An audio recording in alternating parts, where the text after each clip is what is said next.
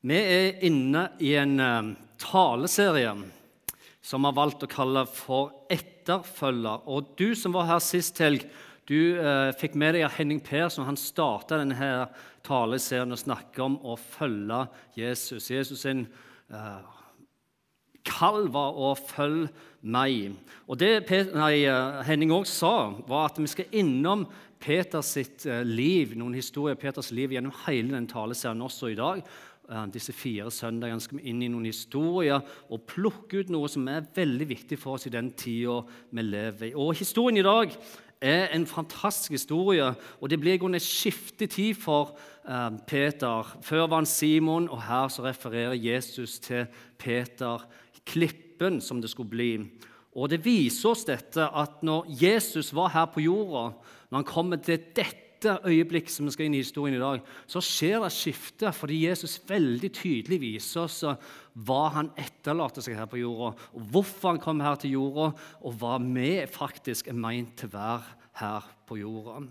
Det er kirke han snakker om. Han snakker om menigheten. Han snakker om fellesskaper, og der Gud kaller oss etterfølgende av han, til hver menneske som tar ansvar. Vær hans etterfølger. Og Historien som vi skal inn i i dag, den finner du i Matteus 16. Og Overskriften her er jo Peters bekjennelse. Fordi Peter han har gått sammen med Jesus nå ca. halvannet til to år. Han har sett Jesus, han har vært nær Jesus, han har oppdaget Jesus. Han har sittet ned rundt bålet sammen med Jesus, han har grått sammen med Jesus. Han har hørt ordene Jesus sine trøstende ord. Han har sett Jesus i møte med andre mennesker. Så når Peter nå kommer til dette punktet her som skal inn i dag, så sier han det han har erfart av å være i sammen med Jesus. Og her er hele nøkkelen til det Jesus etterlot her på jorden. Fordi når vi samles til fellesskap, når vi samles til samfunn i sammen med Gud og hverandre, så er det nøyaktig det det handler om. At vi skal få oppdage, som Peter, hvem Jesus virkelig er. Og Vi skal inn i Matteus 16, og det står dette her utover.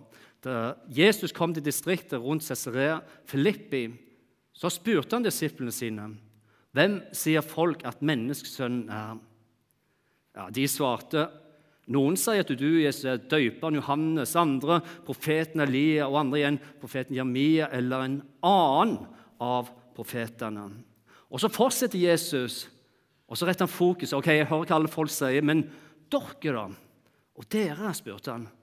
Hvem sier dere at jeg er? Og Grunnen til Jesus gjør dette, er jo fordi nå har dere gått sammen med meg halvannet to år. Dere har erfart meg, dere lytta til meg, dere har sett meg i handling. Hvem sier dere at jeg har Dette er en nøkkel. Fordi folk ser inn på hans kirke, hvem sier de at han er? Da svarte Simon Peter, 'Du er Messias, den levende Guds sønn.' Og På denne åpenbaringen, det Peter da sier, så tar Jesus til orde igjen og så sier han, Salig, som betyr velsigna. Heldige du, Simon, sønn av Jonah. For dette her har ikke kjøtt eller blod åpenbart deg, men min far i himmelen. Og Så fortsetter Jesus, og her er det jo kjempeviktig om vi får med oss. Fordi han stopper ikke der og sier 'knallbra', Simon. Dette er fantastisk at du endelig ser hvem jeg er. Nei, med en gang Simon Peter får tak i denne åpenbaringen, så flytter Jesus fokuset fra hvem han og Simons relasjon er, over til det som skal etterlate seg. Og Han sier dette, og jeg sier deg, du er Peter, og på denne klippen vil jeg bygge altså på den klippen som er åpenbaringen hans, vil jeg bygge min kirke. Min menighet, mitt fellesskap. Og hva er det som er så spesielt med dette fellesskapet, denne menigheten? Jo, dødsrikets porter skal ikke få makt over den. Det er den ene tingen Den ene tingen som dødsrikets porter ikke skal få makt over. Menigheten, fellesskapet, kirka. Og jeg vil gi deg himmelrikets nøkler. Ja, det du binder på jorda, skal være bonde i himmelen. Det vi binder, skal være bonde men det vi løser på jorda, skal være løst i himmelen. Og Det som er veldig interessant og viktig at vi får med oss her, er at med en gang Simon forstår det, så sier Jesus på den åpenbaring, det du så, det du har erfart, det du har opplevd, så skal jeg bygge min menighet. Og akkurat som Peter og disiplene erfarte, så i det øyeblikket vi tar imot Jesus i det øyeblikket hjem som 17-åring får lov til å ta imot Jesus og si jeg tror at du er Messias eller Guds sønn, så flytter Jesus fokus med en gang hjem. Jeg har en menighet som jeg bygger nå i dag, som skal være et lys for alle mennesker. Jim, jeg har en menighet som er min utstrakte hånd ut til verden. Se det som jeg ser. Gjør som jeg gjorde. Og Han sier at det fins et fellesskap, det fins en menighet som vi kan få lov til å være med å bygge sammen med ham. Et lys for verden. Og dødsrikets porter skal ikke få makt over dette. Og så kaller han deg og så kaller han meg til å være med i dette fellesskapet, i denne kirka denne familien, slik at han kan få lov til å møte mennesker rundt oss. Være det som han ønsker å være for dem. Og med en gang vi da snakker om fellesskapet, menigheten, eller gudstjenesten som vi er samla til i dag, så må vi huske det og aldri glemme at det er ikke pastor Jim eller noen andre ledere eller låsangsteamet eller barnekirka eller menigheten som inviterer deg til gudstjeneste. Det er Gud som kaller deg hver søndag til gudstjeneste. Det er han som inviterer oss til fellesskap. Sammen med han hver søndag. Ja, vi, vi, annonserer på Facebook, vi lager plakater, vi sender SMS-er ut til alle som ønsker, vi annonserer i aviser. Vi prøver alle mulige måter vi bruker en del penger på for å få det til, i håp om å vekke interesse nok. Men det er Gud som kaller. Det er Jesus som inviterer deg til å møte Han og være en del av det fellesskapet som han bygger her, slik at vi kan få være et lys. Være en utstrakt hånd. Og I det øyeblikket vi mister at gudstjenesten eller fellesskap eller menighet er Guds kall og invitasjon til hans fest, til hans relasjon, til hans oppdrag, så har vi i grunnen mista hele grunnen til at det fins en gudstjeneste. At det fins et menighetslokale. At det fins en sånn type fellesskap. Fordi det er Gud og Gud som kaller. Deg og oss, familiene våre, barna våre sin menighet. C.S. Lewis, som var forfatter som har skrevet en haug med gode eh, bøker som ennå brukes i dag, han skrev det sånn om gudstjenesten at den perfekte gudstjeneste ville være en vi nesten ikke var klar over. Og hva mener med det, og hvorfor skriver han det sånn? Jo, fordi vår oppmerksomhet, Vi ville ikke være klar over at det faktisk var en gudstjeneste, fordi vår oppmerksomhet den ville vært på Gud. Og det var hans perfekte forståelse av hva en perfekt gudstjeneste.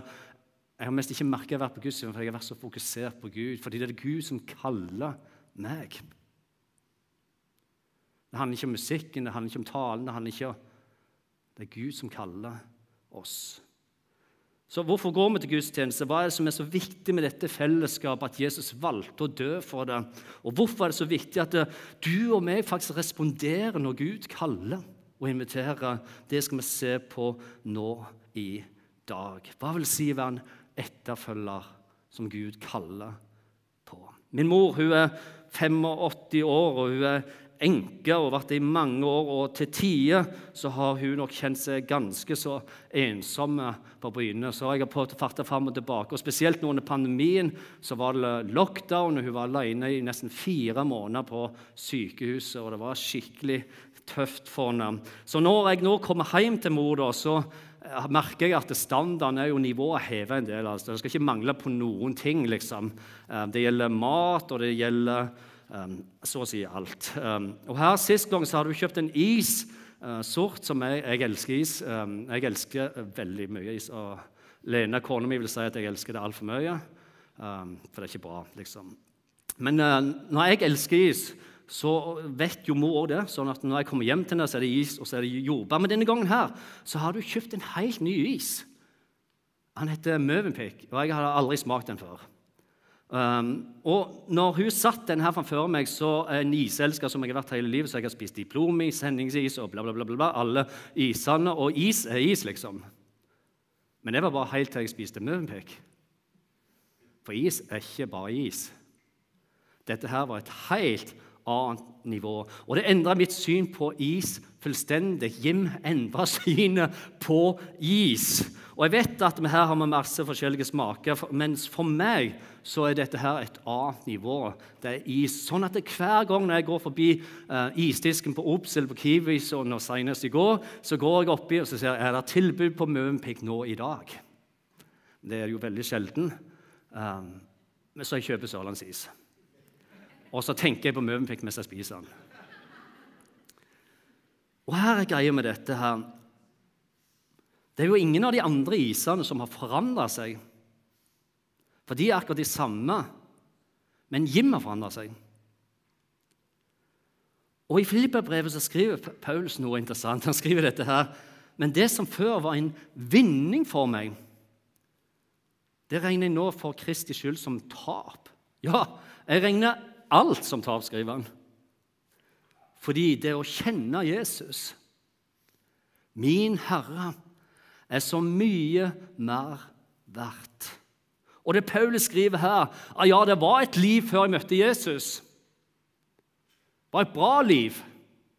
Jeg var anerkjent, det var mange gode ting. Men et helt annet liv etter jeg møtte Jesus. Det var nivået opp. Og det er ikke det at det andre livet og det andre folket hadde endra seg eller blitt dårligere. Nei, men Paulus hadde forandra seg. Han var totalt forvandla pga. at han hadde møtt noe som var noe helt annet. Han hadde møtt en som tok det til et annet nivå. Og jeg bare spør meg sjøl er det det vi tenker i møte med Gud. Eller har vi blitt så vant med at vi bare går og tenker at det er greit å ha det på dette nivået her?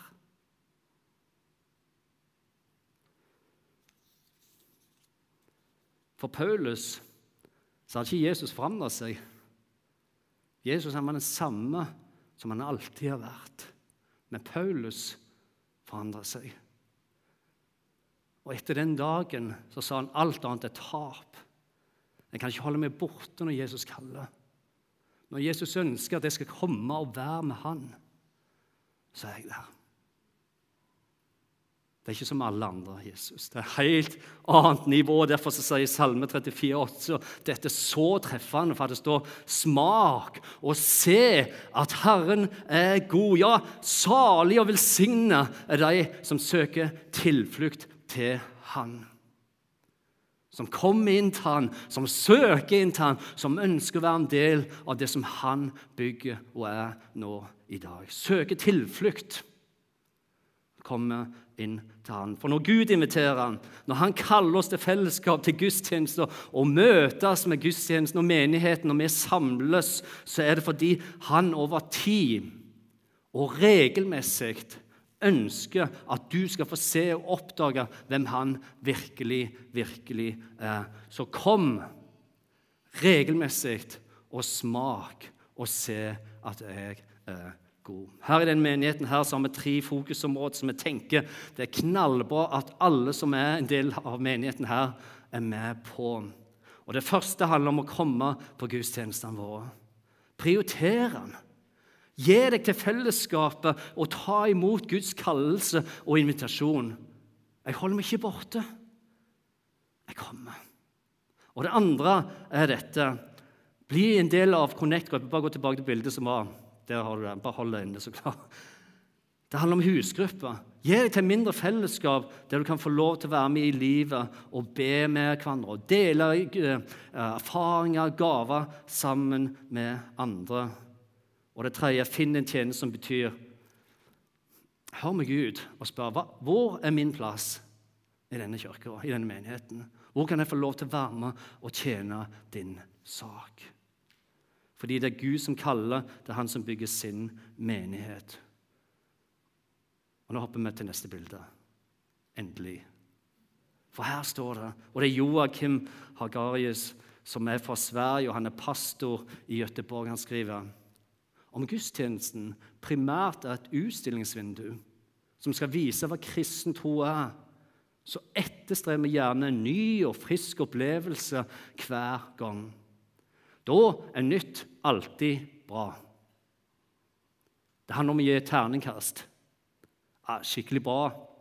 God tale i dag. Ja, ikke så bra i dag.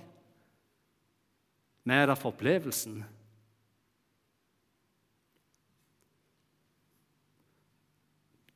Men om vi mener at gudstjenestens oppgave er å forme mennesket, da er ikke nytt alltid bra, og heller ikke det mest effektive. Og Så fortsetter han å skrive det her. Det er når vi gjentar og tar med hele kroppen inn i mønsteret vi influeres av i vårt indre, i våre indre deler av vårt liv.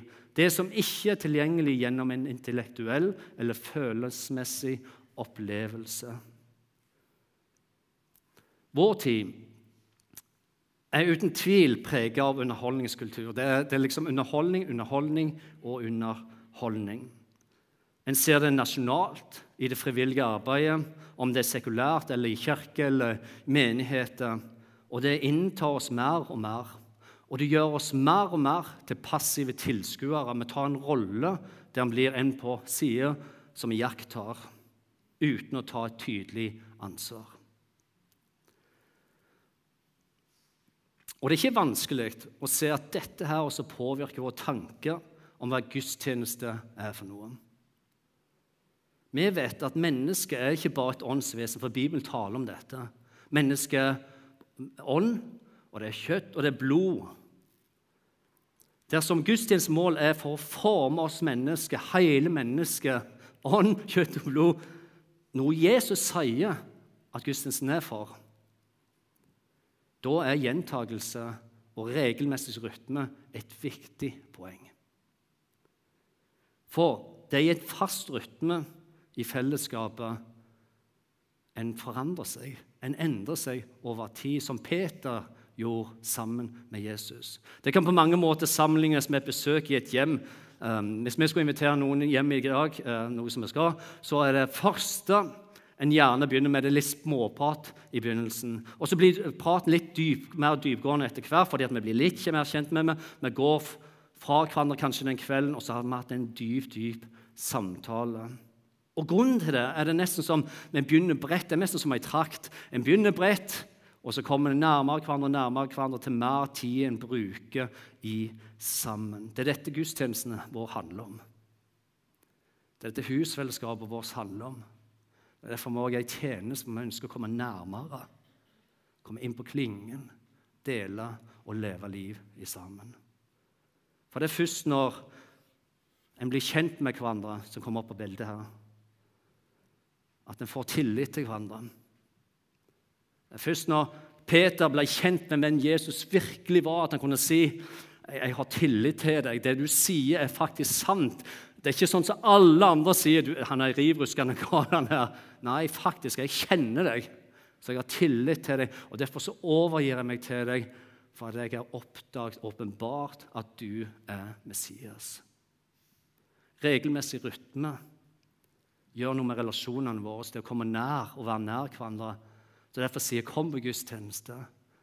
Fordi Jesus ønsker at du skal få smake hvem han virkelig er. Bli med i husfellesskap. For det er Jesus ønsker at vi skal komme nærmere hverandre, overgi oss til hverandre, oppdage Han midt iblant oss. I Apostelsgjerninga 2 så står det i Bibelen dette her, og det her er fire vesentlige ting som vi skal få med seg, som vi, også, som vi har som verdier her i menighet. Og Det står dette her om den første menigheten, at de holdt seg trofast står det, til apostels lære og fellesskapet. Til brødsbrytelsen og bønnene. Ja, hver og en ble grepet av ærefrykt, og mange under og tegn ble gjort av apostlene. Alle de troende, hva gjorde de? De holdt sammen og hadde alt felles. De solgte eiendommen sin og det som ellers eide, og delte ut til alle etter hvert som den enkelte trengte det. Og hver dag så holdt de trofast sammen på tempelplassen, og i hjemmene brøt de brød og spiste sammen med oppriktig og et hjertelig glede, står det. Og de sang og de lovpriste Gud og var godt likt av hele folket. Og hvorfor var de godt likt av folket? På grunn av måten de levde sammen med dem. Og hver dag la Herren til nye som lot seg frelse. Og Gud la til nye fordi menigheten responderte når han kalla dem til fellesskap og tjeneste. Jeg tror det er nettopp dette her som forvandla livet til disiplene. Praten rundt bålet. Det å dele liv sammen, det at de så hverandre og investerte og valgte å gi seg til de andre. De lo sammen, de gråt sammen, de, de spiste sammen, de støtta hverandre. Og de inkluderte forskjellighetene de hadde i dette fellesskapet. Fordi det er ikke underne eller miraklene som Jesus gjorde, som gjorde de til etterfølgere. En tenker jo fort det. La oss bare få inn en sånn som kan dette her, så ordner alt seg. Eller la oss skape en fest eller en aktivitet slik at det det aldri fikser det. Fordi det er gjentagende over tid at en gir seg til å være sammen, som skaper etterfølgere. Det er relasjonen til Jesus over tid, en prioritert rytme sammen med menigheten, som gjør oss til Jesu etterfølgere. Det er når vi nummer én deltar i tilbedelse av Han. Nummer to lytte til Guds ord og ta læren til oss. Og nummer tre dele historien videre og dele vitnesbyrdet. Og nummer fire til stede ikke først og fremst for oss sjøl, men fordi vi elsker vår neste. Vi gir oss for den andre. Så er det ikke slik at vi mennesker vi kommer til gudstjenesten med, med fullstendig hipp hurra, nå er vi klar. For sånn er det ikke alltid. Vi kommer med ulik bagasje, også i dag når vi kommer inn her. Noen er stressa, andre kommer fra en krangel i bilen eller hjemme. Andre tenker på at nå i dag skal det skje noe bra. Andre tenker på åh, i dag kan det skje noe, liksom. Noen tenker nå har jeg gått her i årevis, og jeg er bedt, og ingenting skjer. Vi samles til gudstjeneste som hele mennesket, med våre følelser, med våre tap, med våre seire, med den kunnskapen en har, og vår vilje og emne. Og så kaller Gud oss til å være til stede der Han er. Her For noen år siden så var jeg av gårde og skulle tale i en annen menighet. Og Rett etter talen, og når liksom alt var ferdig, så de kom der noen rett opp til noen første som kom rett opp. Det var noen unge folk der, og De var veldig veldig gira og de var energiske. Og De sa at nå hadde de bestemt seg for at nå skulle de ut på gata og de skulle gjøre det som Jesus hadde kalt dem til å gjøre. Ja, gå på gata, be for folk og døpe folk og gi dem et nytt og hellig liv. Og Jeg må bare si at jeg beundrer engasjement og når folk virkelig er engasjerte. Jeg syns det er fantastisk. Så vi prata sammen, vi fikk en god prat sammen. Og det var først når en, jeg spurte da etter en stund hvilken menighet går dere i, da? for jeg har ikke sett dem før. Og de svarte nei, vi går ikke noe fast menighet med. Det var de ferdig med. Det hadde de ingen tro på. For det var bare strukturerte ting, og det var program, og vi låste Den hellige ånd. Det var de helt ferdig med. De ville nå bare gjøre det som de kjente var rett, og som Den hellige ånd ledet dem til å gjøre. Det som var åndelig korrekt, og det som ikke stoppet Den hellige ånd, sånn som Kirka gjør. Jeg husker jeg spurte dem men, men hva med Peters bekjennelse, da? Hva, hva, var det Jesus sa han skulle bygge når Peter liksom, forsto at han var Messias? Var, var ikke det en menighet? Var, det ikke det eneste Jesus sa at dødsrikets porter ikke skulle få makt over? Var, det en menighet? Og På pinsedagen Den hellige ånd kom over folket og rista hele Jerusalem, var ikke grunnen til at oss og Jesus skulle bygge en menighet, dette? Eller når 3000 ble frelst, hvor gikk de 3000 hen? Var ikke det i menigheten? Eller når Gud hver dag frelste de nye som kom til Hvor, hvor var det han la de til? Var ikke det i menigheten? Og En leser dette om den første menighet i Apostels gjerningene. Er det ikke nøyaktig det vi leser, at de går fra å være elitegruppe på 12, så blir de 120, og så blir de 500, og så blir de 3000, og så er de nødt til å gjøre noe med strukturen, for dette her funker ikke. Vi kan ikke handle som 12 lenger. Her må vi ha noen regler, noen måter å gjøre ting på. Um, slik at når de hadde masse enker, hva, hva, hva, hva det skjedde? Måtte ikke strukturere og gi sju stykk hovedansvaret for å hjelpe det senkende. Jo, helt nødvendig. Er det uåndelig? Nei, det er ikke åndelig. Det er superåndelig. Eller når det kom så mange fattige, hva gjorde de? Jo, de strukturerte. De solgte unna, så ga de penger til, til menigheten, ja. Slik at menigheten kunne hjelpe de fattige. De solgte og ga til menigheten. Fordi menigheten er det Jesus kom for å bygge, for et lys i denne verden. Jo, vi fikk en god prat, men vi var ikke enige i alt. Og Hvor mange er det ikke som har forlatt menigheten fordi de var skuffa, som regel over andre mennesker, eller fordi de hadde altfor høye forventninger? De hoppet videre på jakt etter den perfekte menighet og her uten å finne den. Ja, Noen velger til med å lage sin egen menighet for å være sikker på at vi ikke skal bli skuffa av andre. Og så finner de ut bare helt til slutt når de sitter alene, kanskje, at de blir skuffa av seg sjøl. Fordi vi er mennesker.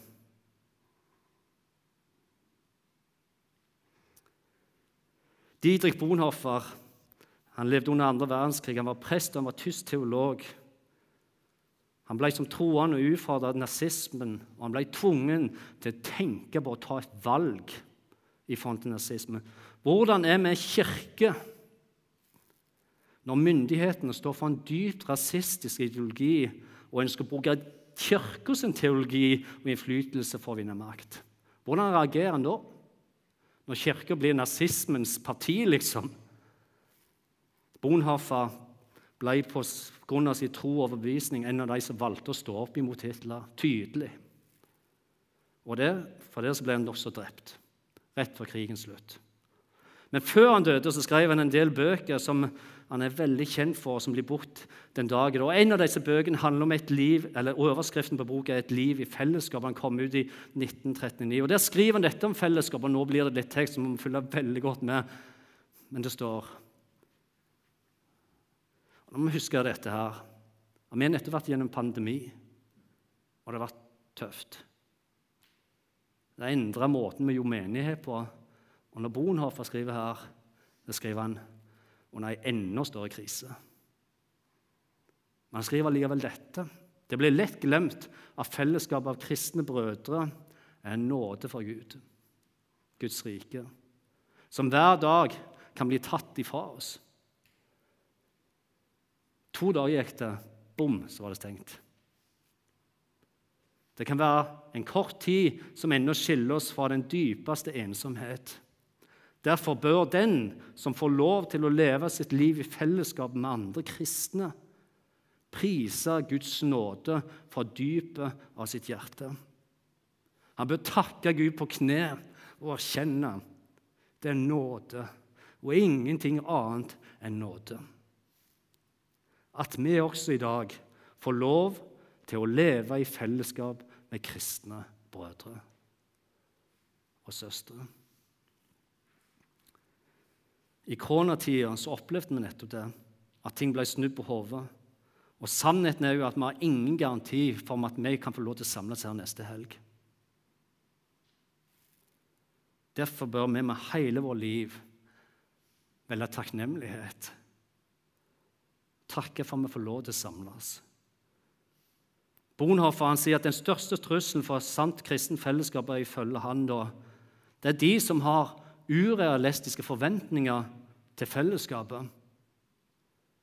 Den største fienden til dette fellesskapet er de som ikke trenger andre. De som tenker at menigheten eller gudstjenesten det er ikke så nøye lenger. De har mista grunnen til hvorfor Gud inviterte dem. Bonhoeffer fortsetter å skrive at den som elsker sin egen drøm om et kristen fellesskap mer enn det kristne fellesskapet sjøl, han øyelegger etter hvert kristne fellesskapet. Slik er det sjøl om hans kjærlighet aldri så personlig og ærlig, alvorlig og oppofrende meint. Oppofrende meint. Altså ikke elsk drømmen om menighet. Elsk menigheten. For om du elsker drømmen mer enn realiteten, så kan du gå fra menighet til menighet, fra fellesskap til fellesskap, og aldri finne det som er perfekt.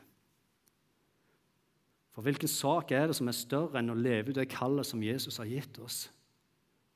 Hvilken sak er større enn å respondere på når han kaller? Og Bonhoff han skriver videre dette her, at den som vil ha noe mer enn det Kristus har grunnlagt mellom oss, han ønsker ikke et kristen brorskap. Han søker etter en eller annen måte en ekstraordinær fellesskapsopplevelse som man ikke får noe annet sted. Og han bærer uklare og ureine ønsker med seg inn i det kristne fellesskapet. Dette er den aller farligste trusselen mot det kristne fellesskapet. Den indre forgiftningen skjer ved å forveksle kristen brorskap med et ønskebilde og et fromt fellesskap.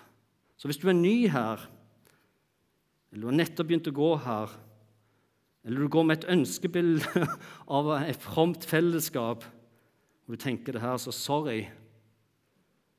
Jeg beklager. Men jeg har vært her over åtte år, og kjenner menigheten. Du kommer til å bli temmelig skuffa her. Fordi her lever vi et liv på vei, underveis, mot det Jesus kaller oss til hver, hver eneste dag. Hele livet så lenge vi er her. Etterfølgelse. Alle sammen fordi vi er totalt avhengige av at Gud stiller opp, av Gud viser sin nåde, som han gjør. Og Det er derfor også Bonhoeffer konkluderer det hele med han skriver til slutt hva det vil si å samle seg, hva det menighet det er for noe han skriver dette her. At vi er alle slags mennesker i fellesskapet. Og så skriver han kjempeviktige to ord til slutt. Hvorfor er vi det? Jo, fordi vi samles rundt Jesus. Den eneste grunnen fordi det er han som kaller. Det er han som inviterer oss til fellesskap.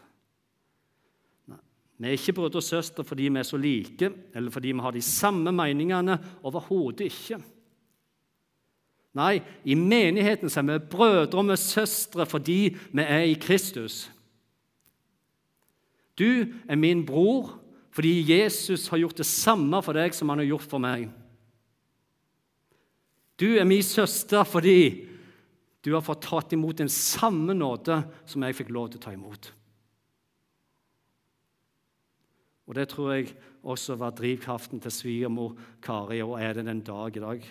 Hun er 86 år, hun er et fantastisk flott menneske som er via hele livet sitt til Guds kall om å få lov til å være en del av et fellesskap og en menighet. Og Hun begynte på søndagsskolen, hun gikk på ungdomsmøte, hun gikk på voksenmøte, hun var på eldretreff. Hun har vært med på alt, og hun har kokt tusenvis av liter med kaffe.